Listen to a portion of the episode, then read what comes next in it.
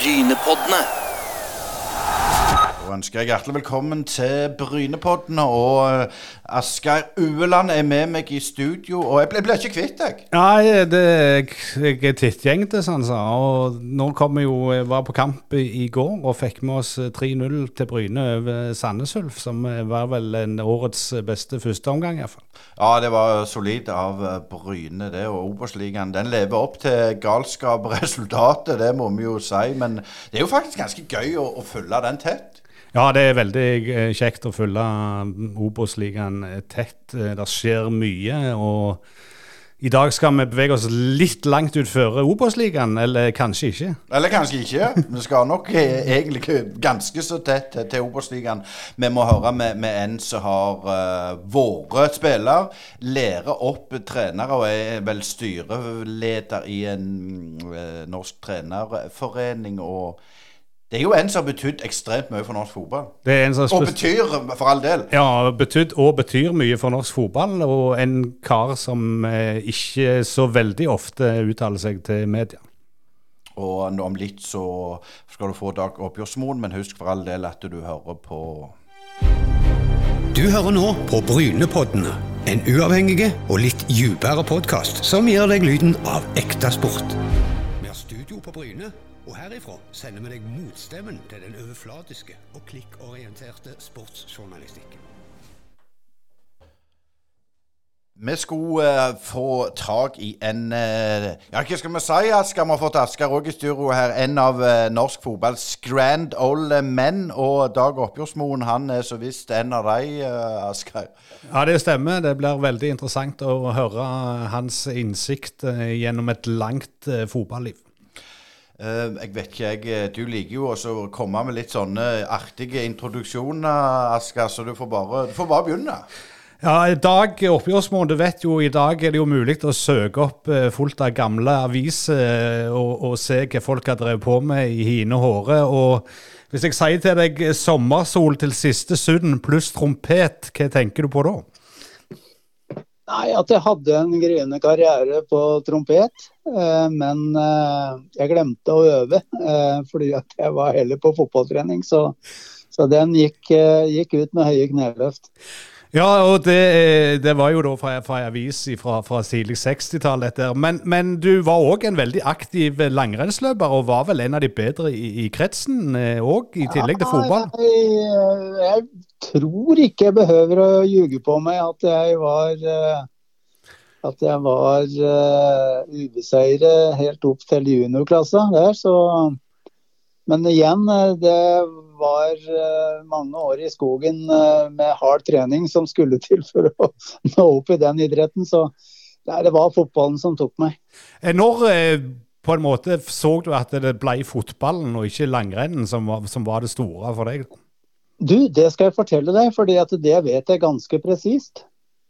Eh, akkurat ikke om det er fotball eller langrenn, men Raufoss spilte mot Aston Villa på stadion når jeg var eh, antageligvis seks-syv år. Det var 12 000 tilskuere. Det bodde 4000 på Raufoss.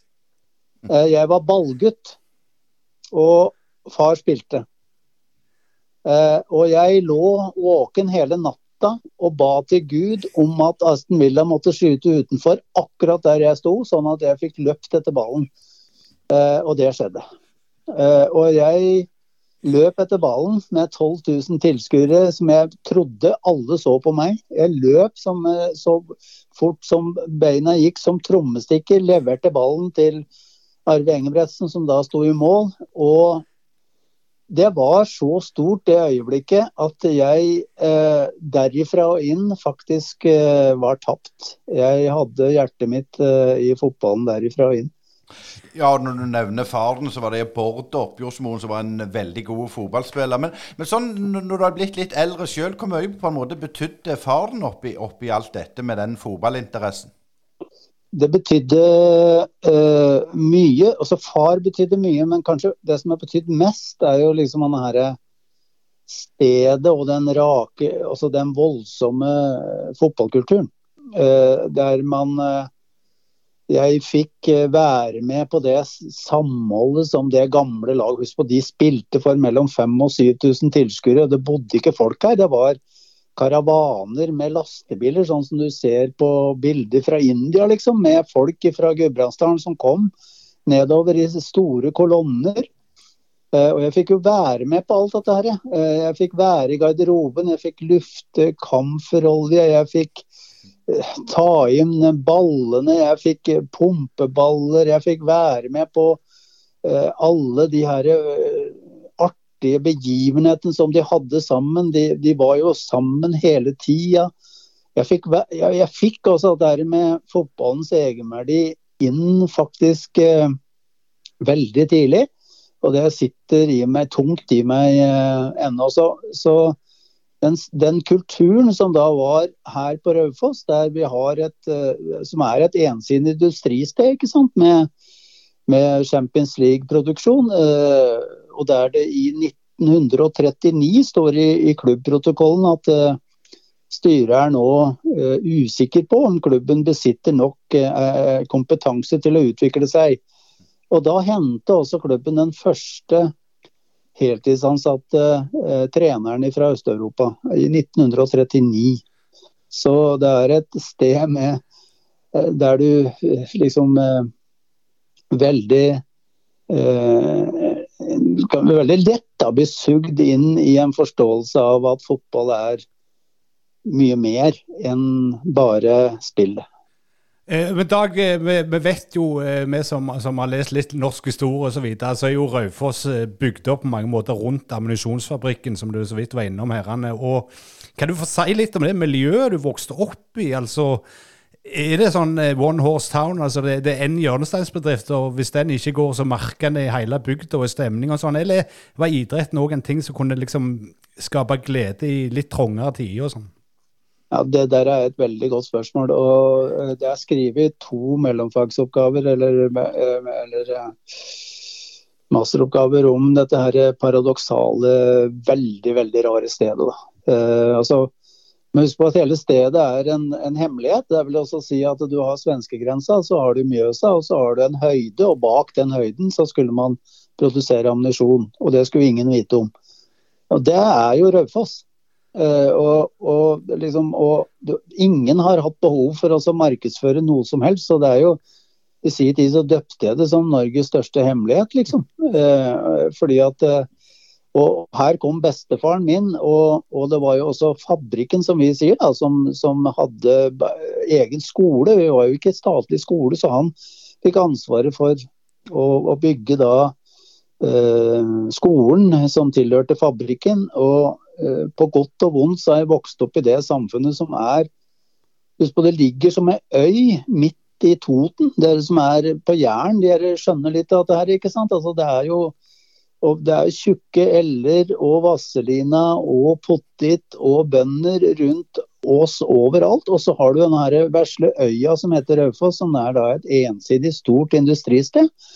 Og Der var man tidlig ute med også en god del ting i forhold til eh, arbeidsforskrifter og arbeidsmiljø, sånn at vi, vi fikk en del goder. Men det er også som du sier, det er jo også en, en god del klassehistorie her i forhold til eh, fattigkvarterer og, og hvordan da på en måte eh, jeg er oppdratt også i at jeg bor f.eks. nå i ei grend som heter Makaløvsgrenda, som da det var et sted der funksjonærene bodde, da.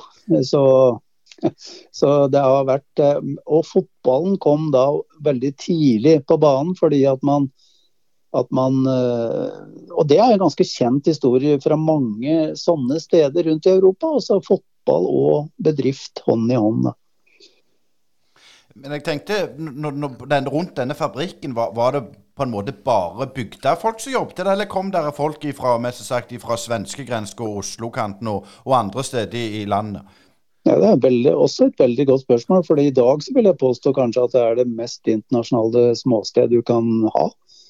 I dag så er jo stedet øh, veldig øh, altså Man er her fordi man kan noe om industrielle løsninger. og det er det er veldig mange nasjonaliteter som søker hit, fordi at det er så, så sterke, så, så, utviklende og så inspirerende arbeidsmiljøer her. At uh, I dag så er det veldig internasjonalt, og så er det klart at vi når vi var en sta helt statlig bedrift, altså Raufoss ammunisjonsfabrikker, så vil jeg påstå at det var mer også da uh, lokal arbeidskraft som da, som da besatte arbeidsplassene. Uh, så når jeg snakker nå, så skylder jeg vel å gjøre oppmerksom på at jeg er, jeg er også en utnevnt av ordføreren som en honorær ambassadør for eh, kommunen min, så er jeg pliktig til å prate veldig veldig positivt om kommunen min. da.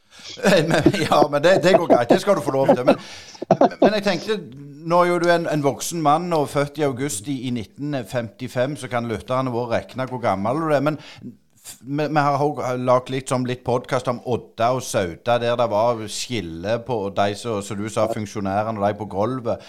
Hvordan var det i Raufoss? Fikk de spille alle på, på, lag, eller var det sånn at det var litt klasseskille der når du, når du var ungdom? Nei, det var ikke klasseskille, men eh, det var jo ammunisjonslaget, ikke sant. Altså man man var jo vant til at man at, uh, altså man fikk aldri noe sånn stor spons fra Raufoss ammunisjonsfabrikker, for de skulle ikke markedsføre seg på noe som helst, de skulle være hemmelige. Men, uh, men man fikk jo goodwill i forhold til at man hadde gode arbeidsplasser der. Og mange var, jobber jo i fabrikken, da, som vi sier. Mens eh, andre, og deriblant far min, som var, eh, var rådmann i 30 år, han hadde annen karriere. Og det var også lærere og andre som spilte på, spilte på laget. Men det var jo ammunisjonsgutta, det var liksom ammunisjonslaget som ble kallenavnet på den lange ferden som, som, som Raufoss har hatt da, i, i norsk toppfotball. Stort sett eh, liksom, i sjiktet etter mellom 20 og, og 30. Litt eh, tilbake til, til dette Raufoss-laget som du var en del av. Eh, du tok eh, litt ansvar allerede i 1980, når Chris Lawler ikke hadde fått arbeidstillatelse noen uker der. Og, og, på en måte fikk testa ut Du sa det skulle være litt fri trening. Eh, Chris Lawler var jo en elev av Bill Shankly, så det går en linje mellom deg og Bill Shankly. Hvordan var det ha han som, som, trener? For det var, jo, det var jo litt en mote rundt 80-tallet å ha henta Du hadde Napp i, i, Viking, du hadde Brian Green i Bryne f.eks. Og engelske trenere var jo litt i vinden akkurat tidlig til 80-tallet. Det er et interessant spørsmål å få også, fordi at eh, hit kom Liverpool-skolen. Og Liverpool-skolen var jo helt annerledes, vil jeg påstå, enn den andre engelske skolen som vi også opplevde kom hit. For i Liverpool så, og i Shankly-linja så var det stille. Man sa ingenting. Eh, sånn at det, det, var ingen, det, var ingen, stygge ord. og det var ingen, Han hever jo ikke stemma, han sa ikke et ord. Og Det er klart, eh, det var jo et rimelig sjokk når han kom med 505 kamper for Liverpool og skulle ta over eh, Raufoss, liksom. Og første kampen han skulle se, var, var spilte mot Skreia ute på Starum med snøplog, altså sånne snøkanter på 3,5 meter. og Han kom rett ifra Fornebu den tida med, med mygg, svarte myggjager og Terlen-boks og Terlen-frakk. Eh, og det var 16 kuldegrader. og det klart jeg var altså, han, han, insisterte på at han skulle se, vet du. Men det var, hele styret måtte bære ned fra, fra snøkanten da, ikke sant? etter 20 minutter. Da han jo nesten frosset tærne sine eh, i stykker. ikke sant? Og hadde jo så her eh, krepsokka på seg, så vi måtte fyre opp disse eh, gule mantaene som vi hadde med navn på. ikke sant? Og å ta av en myggjagere og så få, få liksom varme opp av tærne hans. Det var det første møtet hans med Raufoss. Det var helt usannsynlige historier, altså. Men eh, jeg, han, han, tok oss med til, til Liverpool. og jeg, jeg, tror ikke noe andre lag har hatt delvis treningslederen sin på Melwood. Altså det, jeg hang klærne mine der det sto Kevin Keegan. Jeg, jeg trodde jo ikke det var sant. Eh, så det var jo det var mange historier rundt det. Men han, å ta over Raufoss uten å si et ord, det er ganske vanskelig. Og, og, det er klart, da måtte jeg ta et ganske stort ansvar. Og det gjorde jeg, det er helt riktig. Men kan du si litt om, om den der eh, utviklinga der som har skjedd siden den gangen? For den gangen altså, så var det jo litt sånn Hadde du vært en halvgreie fotballspiller i et eller annet eh, land, så, så var du òg i, i hermetegn en god trener, som i dag ikke nødvendigvis er en sannhet. Eh, kan du si litt om hvordan trenergjerningen har utvikla seg disse åra du har vært inni og rundt det? ja, det er en ganske formidabel utvikling. Eh, og det er jo veldig sant som du sier. For jeg bruker et litt sånn slitt uttrykk, så, så, er det jo altså, Fordi om du har vært en god hest, så behøver du ikke å være en god rytter. Det er liksom eh, en god beskrivelse, egentlig, på, på, på, det som eh, mange tror liksom er, det, er rett og det samme. Da. At eh, Eh, og det å ha en god spillkarriere betyr at du, du liksom kan menneskebehandling, du kan, du kan gruppedynamikk, du kan, du kan, læringsteori, du kan pedagogikken din, du kan altså ledelse av mennesker, du kan management, du kan leadership, du kan coaching. Det, altså, det er jo på ingen måte sant. Sånn at eh, og man må gå veien sin, og man må ha flytimene sine for at eh, man eh, kan være i dag i posisjon til å kunne da, lede prestasjonsgrupper på et visst nivå. Og En del av de gamle spillerne er jo absolutt villige til å gå den veien og skjønner det veldig godt. og jeg syns også trenerutdannelsen kan bære enda mer preg av at vi kan ha et lite fast track for de som har eh, store spillkarrierer, til å komme til et visst nivå. Men så må man eh, på en måte legge ned det arbeidet som trengs. Fordi at eh, kompetansekravene til en fotballtrener, det er på sett og vis er det det ultimate stedet å, å, å, å prøve å, få til hvordan en gruppe mennesker kan fungere sammen. og den skal og det, det i seg selv er det mye vitenskap og det i seg selv er det mye er det mye forståelse rundt. Men når den skal prøves på dette, her, eh, dette her spillet som heter fotball, som, som, har så mange uendeligheter i seg, og som har så mange uoversiktlige parametere i seg, så, så sier jeg veldig mye når jeg veileder eh, fotballtrenere at du må aldri bli for personlig, fordi eh, fotballen kommer til å lure deg. Så Fotball er større enn deg, den er større enn alle andre. Den er den er, eh, den er helt umettelig og på en måte helt uendelig i sin natur. Så selv om man eh, liksom bruker 7000 millioner for å lage Real Madrid, enda da kan du miste uh, grepet om det i perioder. Sånn at, sånn at det, er et, det, er et, inspirerende, spennende sted å jobbe. Der du trenger god ballast, ikke minst i deg selv, for å stå ganske støtt. Men det er også et frustrerende sted å være, fordi at fotballen vil lure deg. Og den vil på en måte gjøre at du ikke oppnår akkurat det du ønsker i perioder. Det er en del av et veldig langt uh, fotballiv. Og, og, det er viktig at man på en måte da også tar med i potten. Så er det jo også sånn at hvis du har en gammel spillkarriere, så har du ofte litt penger på bok. ikke sant? Så du, du tar med det inn Eh, også dette med at du egentlig ikke trenger å legge så fryktelig mye i potten. Eh, og, og orke å gå den løypa, orke å ta den utdannelsen for å komme seg opp i, på det nivået som du i dag må ha, det, det må alle gjøre. Enten du har spillkarriere eller ikke. Og så ser vi nå at, at kanskje profilene blir litt annerledes på mange. Du ser at, eh, at du kan ta både Tukkel og Nagelsmann og, og Klopp og de her store trenerne. Du kan ta Gaute Helstrup, og du kan ta Kjetil Knutsen, og du kan ta Paco. ikke sant? Altså de, de, har kanskje ikke verdens beste spillkarriere, men de har investert veldig, veldig mye i å, å komme opp på et nivå der de, der de med et godt team rundt seg klarer å håndtere dette på en god måte. da.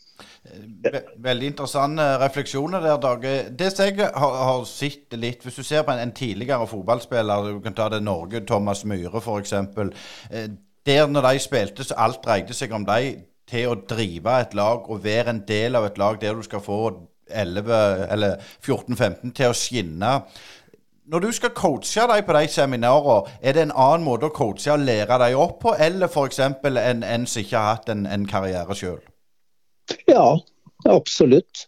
Uh, og vi har jo kommet såpass langt nå i, liksom, i utdannelsen vår at vi, vi begynner jo uh, med et profileringsverktøy der man der vi ganske tydelig må vite hvem, du, hvem er du eh, og, og, så har vi kompetansekravene som, som, vi mener må ligge på det øverste nivået. Og så, så er det jo sånn at du har en del kompetanser som Hvis vi bruker en skala fra 1 til 10, så vil du liksom på noen steder være på 7, andre steder på 3. Og, liksom, og, da blir det jo min jobb da, som veileder, og det blir også utdannelsens jobb, at vi, at vi fyller litt eh, på forskjellige eh, måter de som tar utdannelsen. Og dit har vi kommet. Og det er, gjør også at det er syns jeg veldig inspirerende å jobbe med Nå jobber jeg på prolisensen, og det å jobbe på prolisensen med topptrenerne våre i det perspektivet jeg sier nå, syns jeg er eh, udelt uh, inspirerende. Altså. Um, en annen ting som har, som har endra seg kanskje litt i, i, nå, det er jo det at en har på en måte ganske mange unge, godt skolerte trenere. Og så får de en sjanse i Obos-ligaen, og, og så, så, lykt, så, har de kanskje lykkes litt i post noe tidligere. Så får de sjanse i Obos, og så lykkes de ikke. og så forsvinner de på en måte ut i, i kålen. Eh, og så har du samtidig òg noen sånn, både i Norge og internasjonalt, med Hodson og Neil Warnock og sånn, med gjenganger som alltid blir henta til klubber uansett hva som skjer. Altså, Er det et problem for de unge der at eh, de har den ene sjansen, og hvis det ikke går bra, så blir de på en måte avskrevne som, som ebolatrenere, som, som vel er et uttrykk ja. som går? Ja, det, det, der er, eh, det er en eh, kontekst som er ganske ja, den eh, jobber vi mye med. Fordi at, også i veiledning. Da. Fordi altså, de aller fleste jobber i fotballen er jo eh, i team og i uh, klubb, som ikke på en måte er uh, hovedtrener eller manager eller head coach eller ansvarlig for resultatet for A-laget. Så, og sånn vil det være. Det er et fåtall jobber som er det, og i de jobbene så er det helt riktig hva du sier. Altså, den, du kan bygge det opp og tatt flytimene dine, og du kan ha god nok kompetanse, men, men eh, du behøver ikke å lykkes med den første jobben. Og, og da forteller uh, historien også at, eh, at Nå skal ikke jeg være helt vitenskapelig rundt det tallet, men en 75% kommer aldri tilbake som feiler første jobb. sånn at å få første jobb eh, under beltet og på en måte karre seg eh, videre til jobb nummer to. og Klarer du å få to eller tre jobber i, i beltet ditt, så, så, begynner du å få sånn eh, resirkuleringseffekt. Da dukker du opp. Eh, da, om du da ikke får jobbe lenger i en klubb, så dukker du opp i neste klubb. Og, og, og da kan du holde en sånn karriere gående. da. Eh, men eh, det er veldig vondt med de som da får denne her medfarten eh, rundt de første jobbene, eller første jobben sin, som, som, ikke helt, og som blir bedre og bedre trenere. Men som ikke havner på bordet i, i styrene, altså i toppklubbene våre. Og, og, det er riktig, vi bruker det ordet ebola litt om, om om en del trenere som, som, jeg positivt vet er enda mye bedre nå enn de var når de fikk den første jobben. Men eh, det er liksom ikke interessante. Men du ser, når, du var, var, trener, det var ikke sosiale medier, og treneren hadde jo en status. Jeg sier ikke han ikke har det i dag, men det er så ekstremt mye å ta hensyn til. Jeg kan å si, hadde, Tror du du hadde lykkes i dag å være trener? Ja, Det er et kjempegodt spørsmål. fordi at, eh, fordi at eh, For det første så har jeg en ganske klar realitetsorientering om at fotball er større enn meg. Sånn at eh, du har ingen garantier for å lykkes med det, samme hvor dyktig du er. Men, men jeg, jeg tror det. Fordi at jeg, ikke minst fordi at jeg vet hva jeg ikke kan. Eh, og er dyktigere til å da i tilfelle ta med meg folk som kan tette mine hull. Eh, det er en, synes jeg, en veldig viktig egenskap å ha i dag. Da, fordi at, eh, og så, så vil det nok også være sånn at i en periode av livet så er du mye mer opptatt av hva andre mener om deg. og Det blir en, en veldig sånn viktig del av eh, hele livet ditt. At du skal være så orientert om alt av meninger. Eh, det, det, går, det roer seg også litt når du blir eh, tryggere og litt eldre, da. Men det er ikke noe enkelt, og du har også en nå har vi jo passert generasjon Z, nå har vi vel snart ikke igjen bokstaver i alfabetet på hva de er. Og det er klart at også en, en helt annen pedagogikk og en helt annen forståelse av hvem du skal være læremester for. da. Sånn at uh, Der også må du henge med for, å, for det hele tatt å, å ha en forutsetning. Når jeg, så når jeg drister meg til å si ja, så er det fordi at jeg har vært så heldig at jeg jobber med utvikling eh, på ypperste nivå eh, i Norge i de siste 15 årene. Eh, og, og, reist verden rundt for å på en måte besøke de ypperste miljøene. Og jeg føler at jeg er ganske opptatt av veldig mye. Da.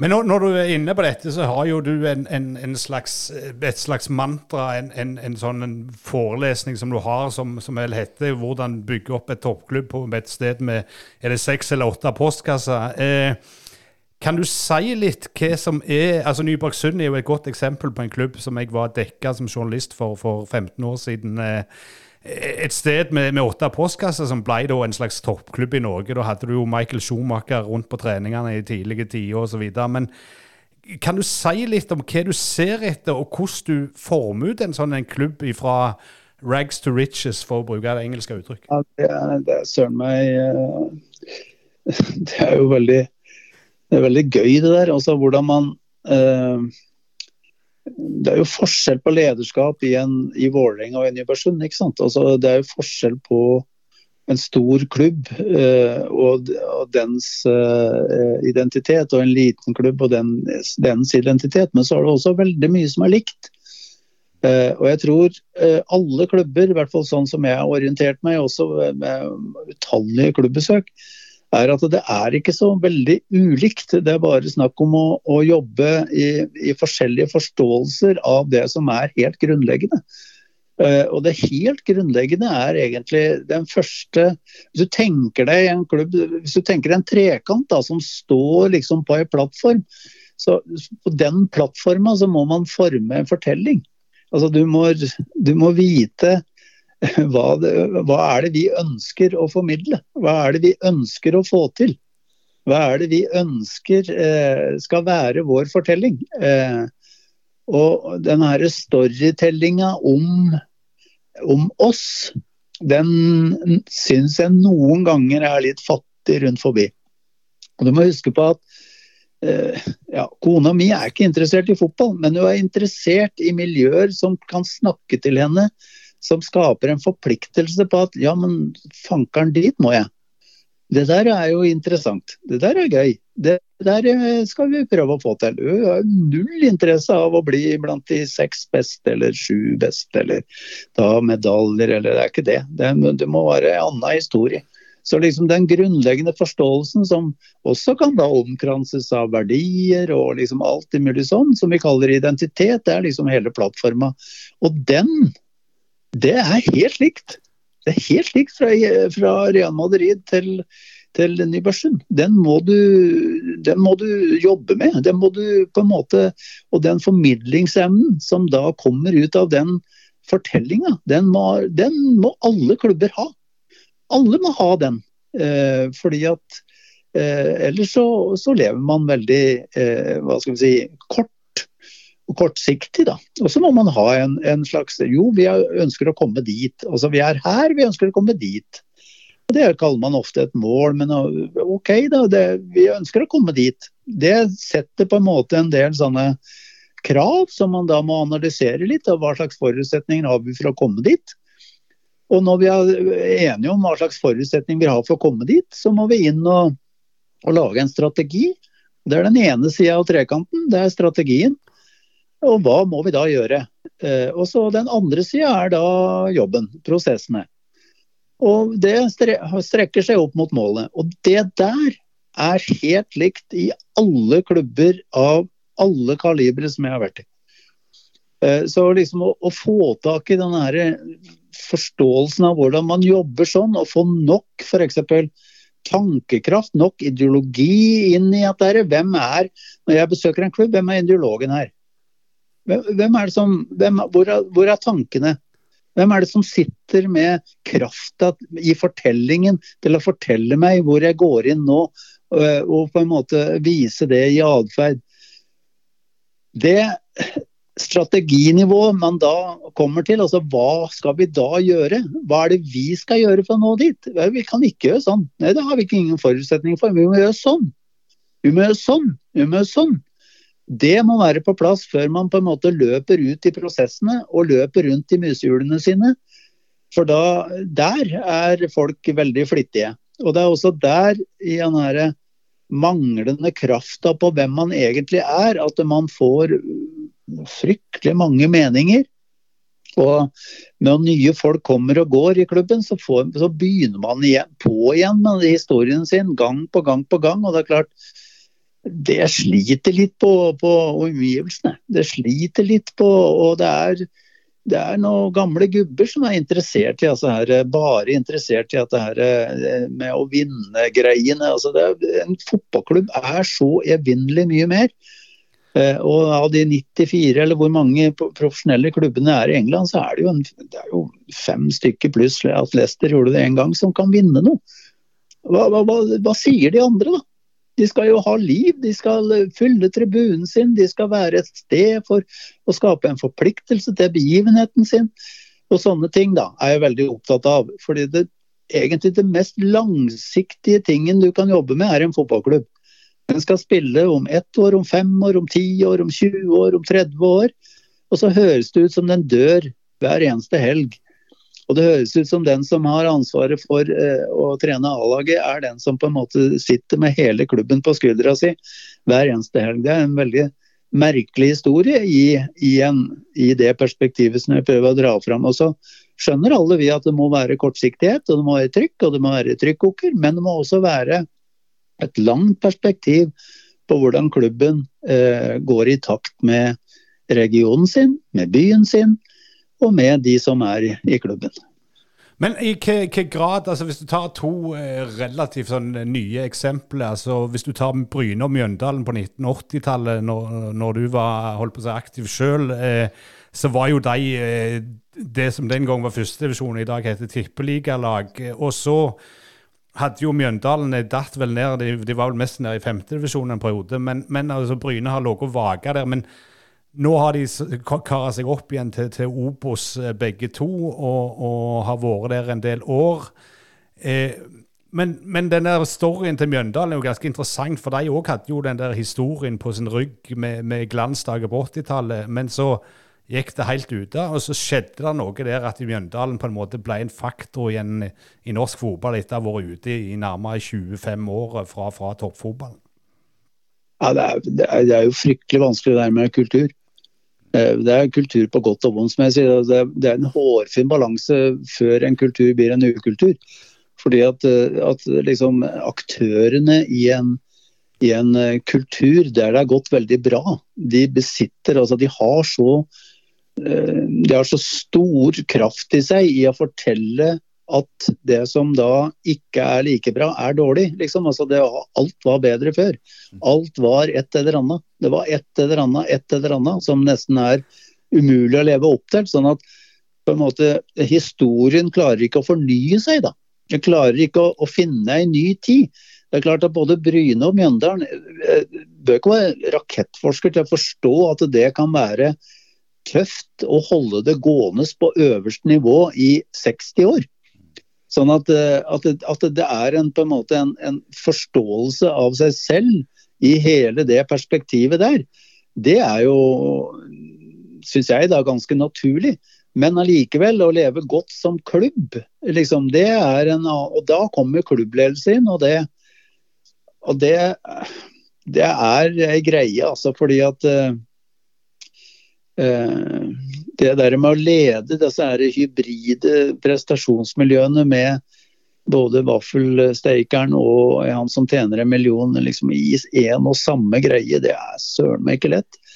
Eh, og vi har stor omskiftelighet i det, og det er det er ikke den, liksom den ideologiske krafta forsvinner ofte i forhold med alle disse vekslingene av mennesker som løper ut og inn av, av klubben. da.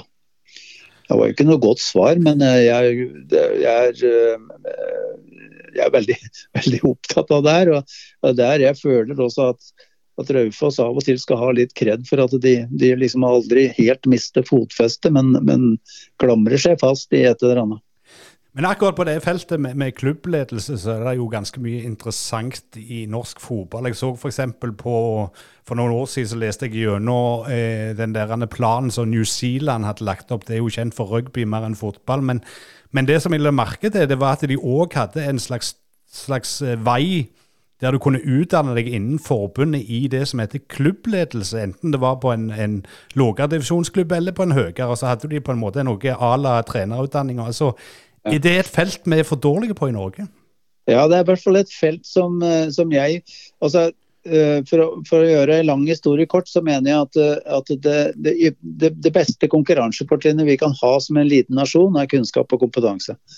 Det behøver vi ikke å tape på noen. Vi bør ikke å tape for noen. Der kan vi være like bra og i, i følelsessetet, mener jeg da. Men da må vi også da ressurssette den forståelsen. Eh, og det har vært kom si, kom sa. Sånn at eh, f.eks. Å, å ikke satse på trenerutdannelse, ikke satse på trenerutvikling, ikke satse på etterutdanning for trenere, det er en fryktelig risky vei å gå. Eh, og så kommer, som du sier, eh, eh, lederutdannelse. Vi har hatt lederutdannelse i NFF-regi eh, veldig lenge. 1, 2, 3, 4, liksom. Og det er ingen dårlig utdannelse. men eh, sportslig lederutdannelse har vi ikke hatt. Sånn at eh, det er det største satsingsområdet på, for eh, norsk toppfotball, altså NTF, den neste seksårsperioden. Og vi har allerede begynt. Vi har det første kullet i, inne nå. Og det er en tung, svær satsing sammen med Europatoppen for eh, å på en måte skolere opp sportslige ledere av, av fotballklubber. Eh, og jeg er hellig overbevist om at eh, eh, hvis man ikke tar det på det, det er kunnskap og kompetanse som bærebjelken for hele nasjonens forutsetning for utvikling veldig alvorlig, og ressurssetter det ordentlig, så vil vi bli løpende etter hele veien. Vi kommer til å måtte innse at vi er en liten fotballnasjon, vi har en liten fotballøkonomi. Vi prøver å henge skjorteflaket på, på de beste både her og der. Eh, men den tryggeste investeringa, og den Jeg føler når jeg sier det at det er litt usexy, men man må eh, ta det på alvor.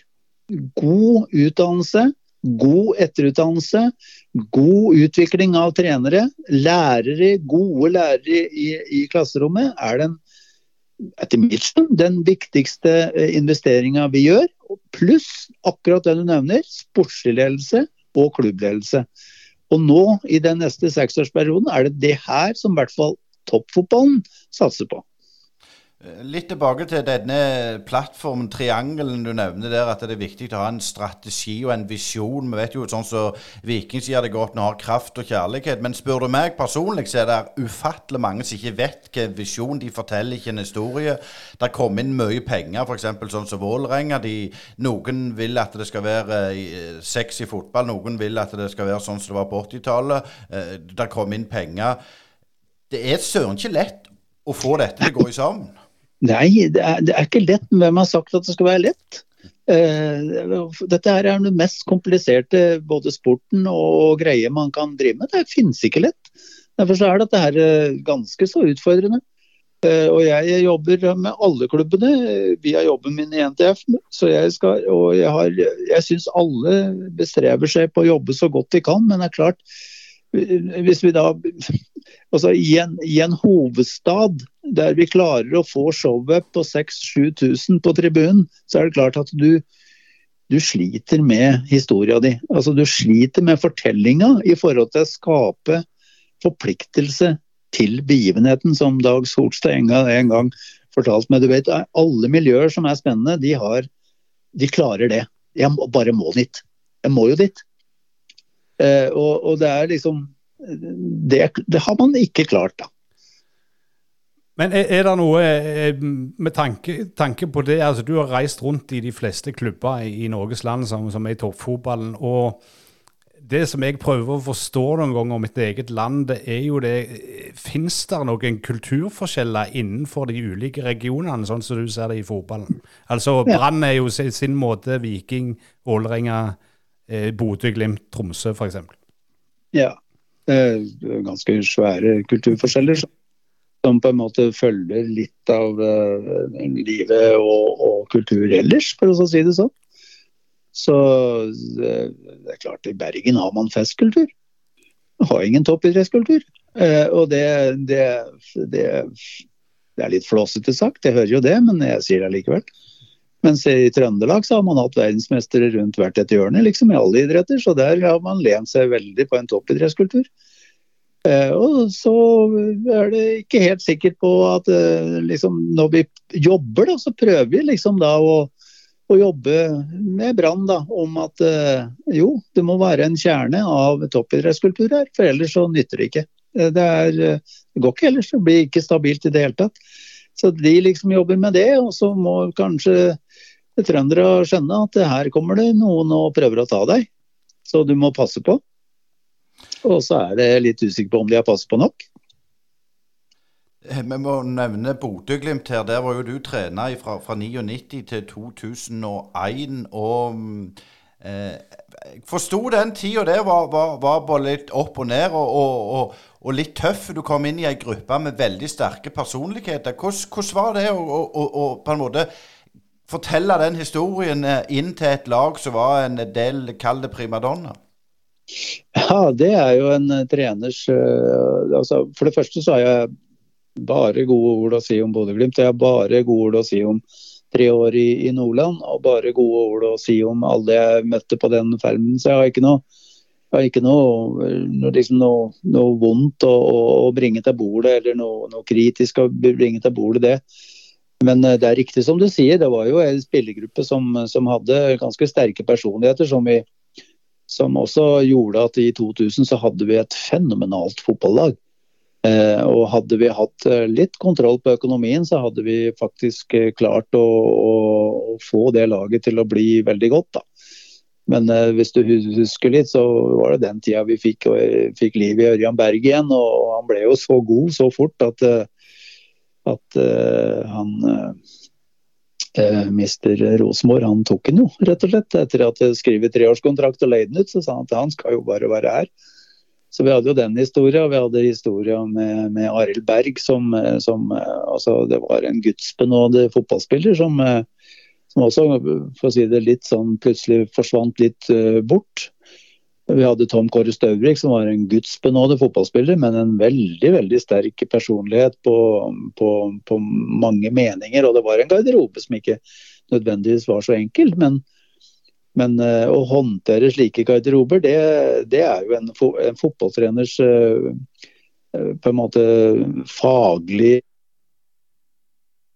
Der du får det vi trenere sier, lite sprik mellom mellom det prestasjonshierarkiet ditt og det sosiale hierarkiet. altså Ofte litt som betegner med at de, de eldste er på litt på tur ned, men enda har en veldig sterk posisjon. Og så, og så får du på en måte andre som presterer bedre, men som, som ikke har samme posisjon. Og, og når, de, når, de, to hierarkiene ikke helt går sammen, så kan det ofte bli litt, litt, litt, eh, litt eh, Eh, å hanskes med. Da.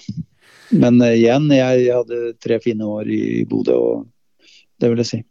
Men, men det å hanskes med, med ei spillergruppe Jeg leste nylig en, en bok om, om, det engelske cricketlandslaget sin gjenopprettelse til, til, å bli det helt store. og en av trenerne som kom fra Zimbabwe og hadde jo erfaringer fra, fra borgerkrigen i Rhodesia. Og, og var, han sa at du har lov å ha opptil tre eh, terrorister i garderoben, men du må ha det i åtte andre på laget med deg. Altså, er det noe i det utsagnet der at du lar noen få være litt villbassa, men du må ha liksom flertall i ryggen?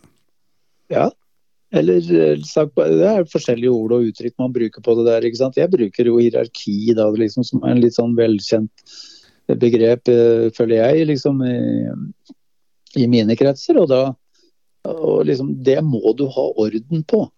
Du må ha kontroll på det, for ellers så går det ikke an å lede, liksom. Da, da, da, da klarer du ikke å holde styr på, på en prestasjonsgruppe. og det er jo et er et ganske ustyrlig fyrverkeri, dette her. ikke sant? Fordi at det eh, altså, Når jeg prøver å forklare andre at eh, ja da, vi er 22, 23, 24 stykker, og det er, eh, det er jo 11 stykker da, som får lov å være med liksom, når vi skal starte en kamp. og Da er det jo 11 misfornøyde. da, og så bytter jeg ut tre eller fire. Da har vi også 15-16 misfornøyde. Og så, og så er det liksom de som da får dårlig evaluering, de blir så misfornøyde, så plutselig så sitter vi da med 20 misfornøyde. og Det er klart at det er jo ikke noe det er ikke så Det skal jo håndteres alt dette her, og vi skal ta rundt hverandre og være verdens beste venner. Og, og samtidig så skal vi konkurrere på kniven liksom gjennom hele uka for å få lov å være med. Så det er, det er jo, som jeg ofte sier, det er jo liksom det optimale stedet for å prøve ut deg selv, både som eh, sosiolog og pedagog og, og som fagmann på, på, på, på fotball. Da. Så det er, en, det er, en, veldig interessant jobb, og så er det en veldig frustrerende jobb eh, i mange sammenhenger. Og, men akkurat å ha kontroll på det vi snakker om nå, og det som du nevnte Én ting er å ha det sånn, men å ha kontroll på det og ha et hierarki som fungerer, det er helt avgjørende. Helt avgjørende. Vi har jo eh, snakket med litt eh, trenere opp i år, og vi ser jo at det Vi hadde jo Flo eh, nå for noen uker siden og forteller det at det, den på en måte eh, hierarkiet i garderoben blant spillerne er vanvittig annerledes nå eller det var før. Før var det gjerne den Tom Kåre Størvik som bestemte han skulle sitte der og fikk ungdommen til å gjøre jobbene for seg det å lede i dag altså Vi ser på sånn som Jan Halvor Halvorsen, Bjarne Berntsen, disse gamle guttene. Allikevel så klarer de henge med, og det, det, er jo ganske imponerende.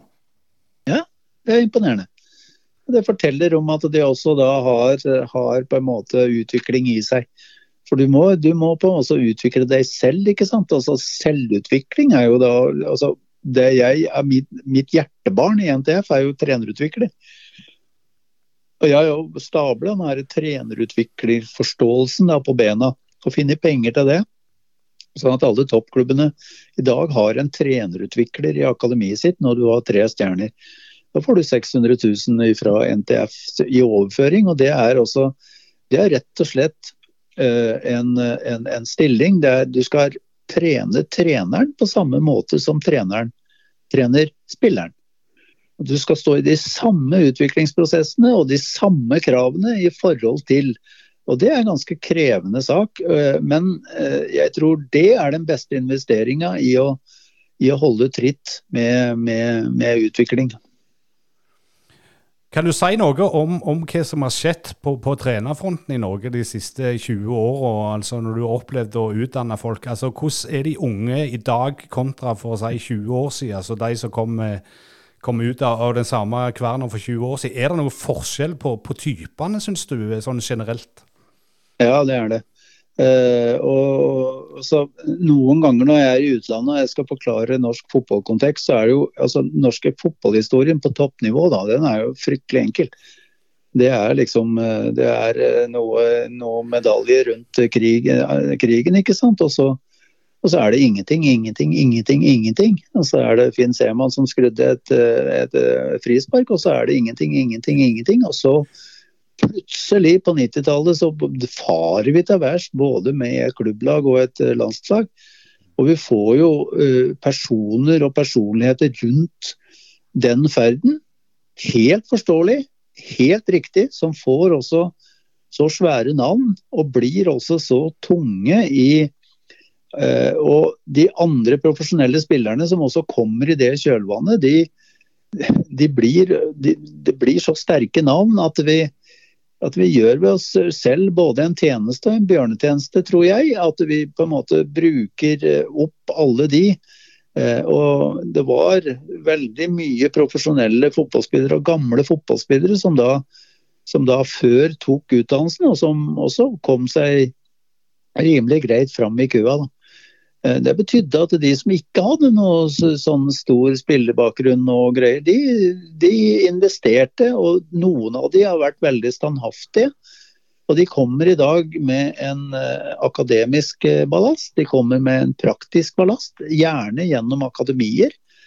Der de har flytimene sine og vært i ganske frodige arbeidsmiljøer over tid. Eh, fått brynt seg på en trenerutvikler, eh, har på en måte flytimene sine.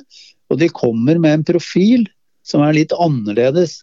Og de, de har investert mye. Sånn at eh, på sett og vis så er liksom det litt motpolen.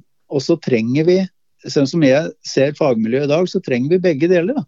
Vi trenger de her eh, spilleprofilene, og vi trenger de som har en litt annen profil.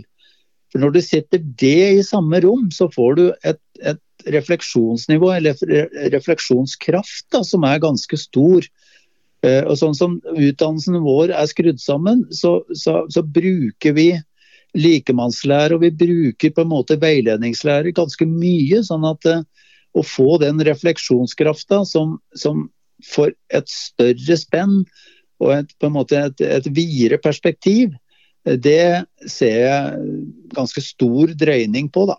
Og, det kommer mange spennende trenertyper nå som eh, ikke nødvendigvis har eh, et, et stor spillkarriere bak seg.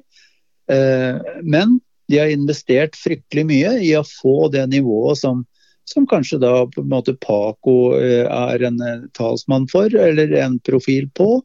Og som, eh, som vi nevnte, de, de, de, store trenerne ute i Europa. Det er samme profilen. Men er, er det litt sånn rundt forbi klubbene? Er det, altså, er, det, er det, klubber som passer bedre til de som gikk landslagsveien under Drillo Semp, kontra de som har gått eh, Norges idrettshøyskoleveien, som du er inne på her? Altså, vi har begge, men, men, er det rett og slett klubber der de passer bedre med den der nedpå eks-storspilleren kontra den litt akademiske treneren? Ja, det vil det helt sikkert, eh, helt sikkert være. Ehm, men det er her igjen da, at du skal møte klubbhistorie og skal møte identitet. Og du skal på en måte eh, møte en forståelse som egentlig skal være annerledes enn det den har vært i norsk fotball veldig lenge. Da. Det er jo at treneren er eh, altså Hovedtreneren er pytt i panne. sånn at Når han kommer til klubben, så bestemmer han hvordan vi skal spille. Det er han som bestemmer da at det kommer en viss form for spillelogistikk inn. Det er han som da på en måte er både ideolog og andre. Husk på, vi har ikke hatt sportssjefer i mange av de profesjonelle fotballklubbene våre. Og Hvis du har en daglig leder som ikke kan fotball, og du har ikke har sportssjef, eh, hvem er da eh, ideologen? Hvem er det da som setter kurs for klubben? Hvem er det da som bestemmer? ikke sant? Og og Hvis du da svarer at det kan ikke være hovedtreneren, jaha, hvem er det da? Er det styreformann da, og, og daglig Hvem er det? Og det der, altså, Sånne spørsmål må du svare på, og, og da er det et lang sving rundt spørsmålet ditt. fordi at det, eh, Treneren må da komme med sin treneridentitet. Dette her er meg. Det her er meg. Det her er du får når du får meg. Noen er veldig trange i den forståelsen av sin egen identitet. Noen er videre. Noen har på en måte ser for seg at man kan være fleksibel og ta opp i seg ganske mye. Men jeg er det jeg er. Sånn vil jeg lede mennesker. Sånn vil jeg drive metodikken min. Sånn ser jeg på spillet. Og, det, og da må den klare profilen da møte en like klar profil. Og det er der jeg mener at det vil være litt naturlig hvor du havner, da. Jeg tenker vi skal ha ett et, uh, tema til her, eh, Dag. Det går litt på, på styresammensetning. I Norge så er det jo eh, medlemsstyrt, mens gjerne når du har vært ute i Europa, så ser vi at det er mer profesjonalisert. Er det en utfordring for norsk fotball, eller ser du det som betinga styrke? Oh, det er et ufattelig stort spørsmål også. fordi at her berører vi noe som er Eh, for det første så tror jeg nesten ingen vet hvor spesiell den norske idrettsmodellen er. Den er jo politisk eid. Bare det at den er politisk eid er jo noe helt, helt spesielt for Norge. Sånn at uh, Å drive toppidrett i en politisk eid modell, uh, det er ikke bare bare. Og liksom For på en måte å hva skal vi si, å få, få behovet for kapital inn da, i, i, profesjonell fotball, så, så, så vi litt i timen i forhold til både etikk og, og, på en måte forståelsen av hvordan det skulle gjøres, det kom ganske fort. sånn at det, man lager mange rare eh, konstellasjoner som har blitt liksom til dualmodellen. ikke sant? Altså der man, man får penger inn, og så, og så eh, den, den, den, den, vanskeligste eh, eh, settingen som da oppstår, er at du, du får beslutningsmekanismene og beslutningskrafta på utsiden av organisasjonen. Sånn at det sitter altså, eh, altså Alle spillere og trenere må være ansatt i fotballklubben, mens all makt sitter i, i, ute i, i, de såkalte eierne, investorene. Så er det massevis å si om dette her, men eh, jeg tror, eh, og jeg er ganske trygg på, at eh, de som skal manøvrere godt i dette terrenget, her, de må ha makt og myndighet inne i klubben. Det er da, da først det er interessant å jobbe der. Altså en, en, du, må ha, du, må ha, makt og myndighet til å utføre en jobb, og, og, på en måte ikke føle at beslutninger tas på utsiden av klubben. Uh, og det er uh, det, ja, det her er det veldig mye å si. Noen klubber er uh, rent klubbstyrt, andre er ikke klubbstyrt, men styres på en, på en, på en annen måte. Noen prøver å, å, på en måte få dualmodellen til å bli én, uten at den helt blir én. Noen har to styrer den dag i dag. Noen har eh, eh, skilt ut elite og bredde. og du, du, du, kjenner like godt som meg alle de modellene som vi har prøvd oss fram med. Da for å få dette til å, å liksom, uh, bli noe. Men uh, jeg tror all erfaring viser at, uh, at klubben, de som jobber i klubben, de må ha makt og myndighet. og heller et godt budsjett, som da på en måte er noe man styrer etter, og må styre etter det. Det var litt sånn oppfølgingsspørsmål. Vi ser jo at det er, det er jo treneren som får skylda uh, uansett. Og mm. det er jo en del sparking av, av trenere. Sånn, uh, når du var på sist uh, samling med, med, med, trenerne du lærte opp, så var det mange som var i vanskap å få sparken. Nå var det vel noen som fikk det. Men, men, det å lære de opp og på en måte gi de trygge til gode eh, trenere, det, det, det, er ganske komplekst. For det, det, svinger jo fra dag til dag. Ja, og det er der jeg er tilbake til det å si du må ikke bli for personlig. Eh, og det er ikke lett. Det er neimen ikke lett. Men, eh, men eh, fotballen kommer til å lure deg. Det, den er, Ofte så sier jeg, bruker jeg bildet altså Fotball er som et såpestykke. ikke sant? Altså det, når du tror du har den, så klipper det ut av, av hånda di. Og så sier jeg noen ganger ikke sant, når jeg skal veilede at er du, nå, er du klar nå, da? For å ligge på badegulvet i tussmørket og lete etter dette her såpestykket du mistet. For det kommer til å være over halve livet ditt herifra og inn.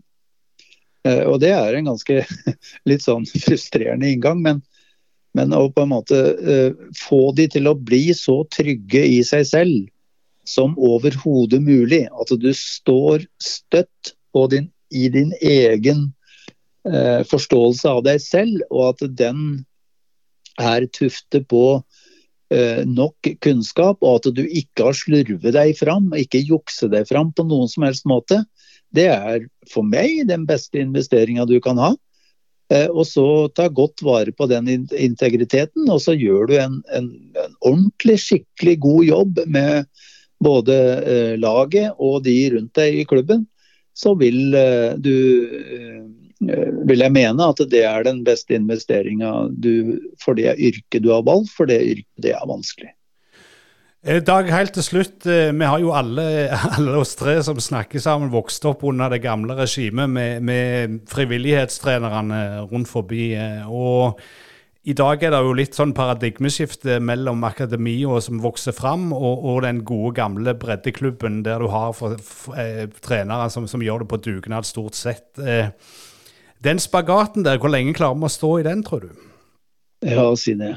Uh, jeg, er, jeg, er, jeg er veldig overbevist Altså, jeg har um, jobbet med mennesker hele mitt liv. Uh, og jeg, er ut, altså Når jeg møter folk som er veldig bomsikre på det ene og det andre. når vi Husk på at spillerne våre er mennesker. liksom, også det, det, Da blir jeg livredd. Eh, hvem er du nå, da?